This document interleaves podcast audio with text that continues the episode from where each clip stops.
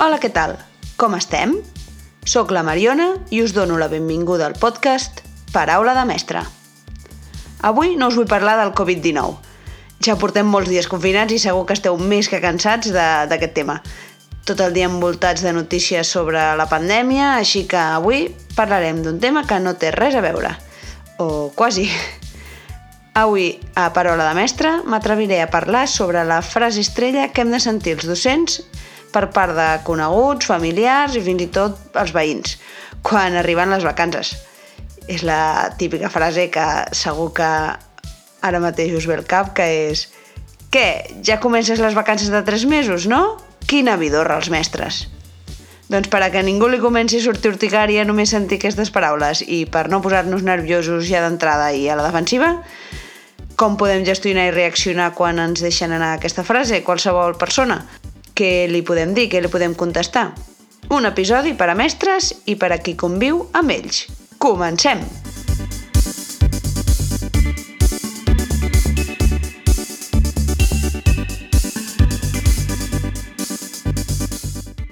¿Qué? Ya empiezas tus vacaciones de tres meses, ¿no?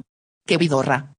L'altre dia vaig llegir un comentari a Twitter, que ja tant temps, d'un professor que es diu Salvador Carrion i feia una reflexió sobre com passar de respondre a la defensiva a tots aquests comentaris que desprestigien la feina dels mestres a fer-ho girant totalment la truita a tot aquest assumpte i contra, contraatacant, elogiant i explicant les coses positives d'aquesta preciosa professió. Estareu tots d'acord amb mi. Així que us proposo a tots aquells docents que us molesten especialment tots aquests comentaris i que no us sabeu com reaccionar, doncs us proposo frenar els nostres impulsos quan ens sentim atacats i respondre d'una manera que de ben segur la persona a la que contestem no s'espera i, i la descol·loca.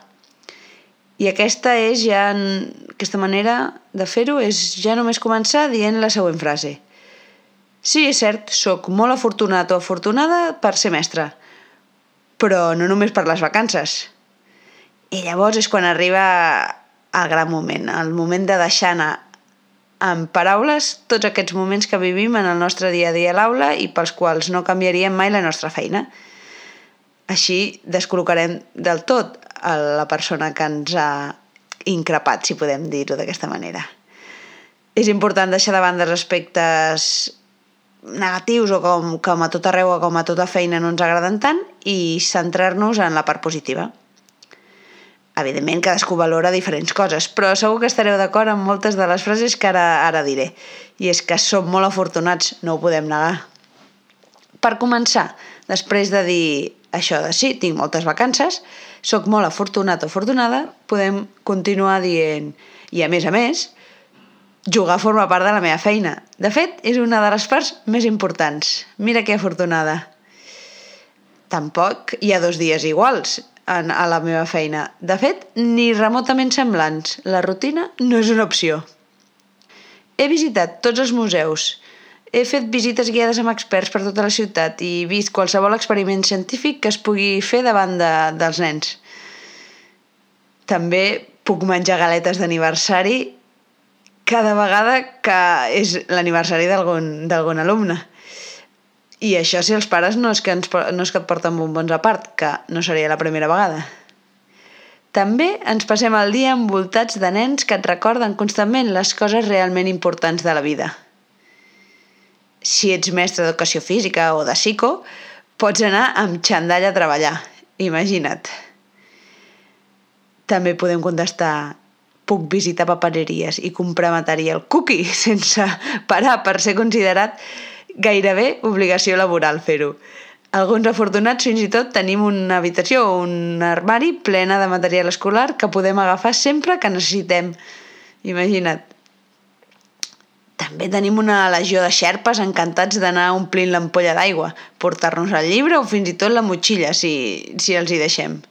I quan estàs cansada, sempre en el moment adequat apareix alguna fada o algun follet per allà pel passadís amagat i et diu que maca que estàs avui. Crec que és l'única feina el món en el que et tiren tantes floretes.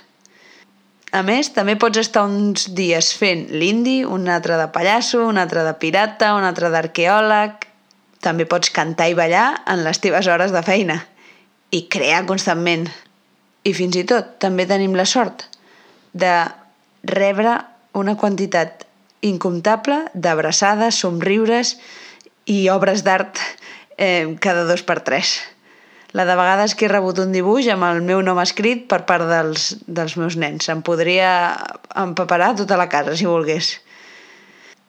I per acabar, doncs, podem rematar-ho i així deixar el tema ben tancat contestant i sí, tenim vacances, fins i tot també tota la Setmana Santa, tot el Nadal, a més de fest els festius nacionals, els de les comunitats autònomes, els de les ciutats i molts ponts inclosos.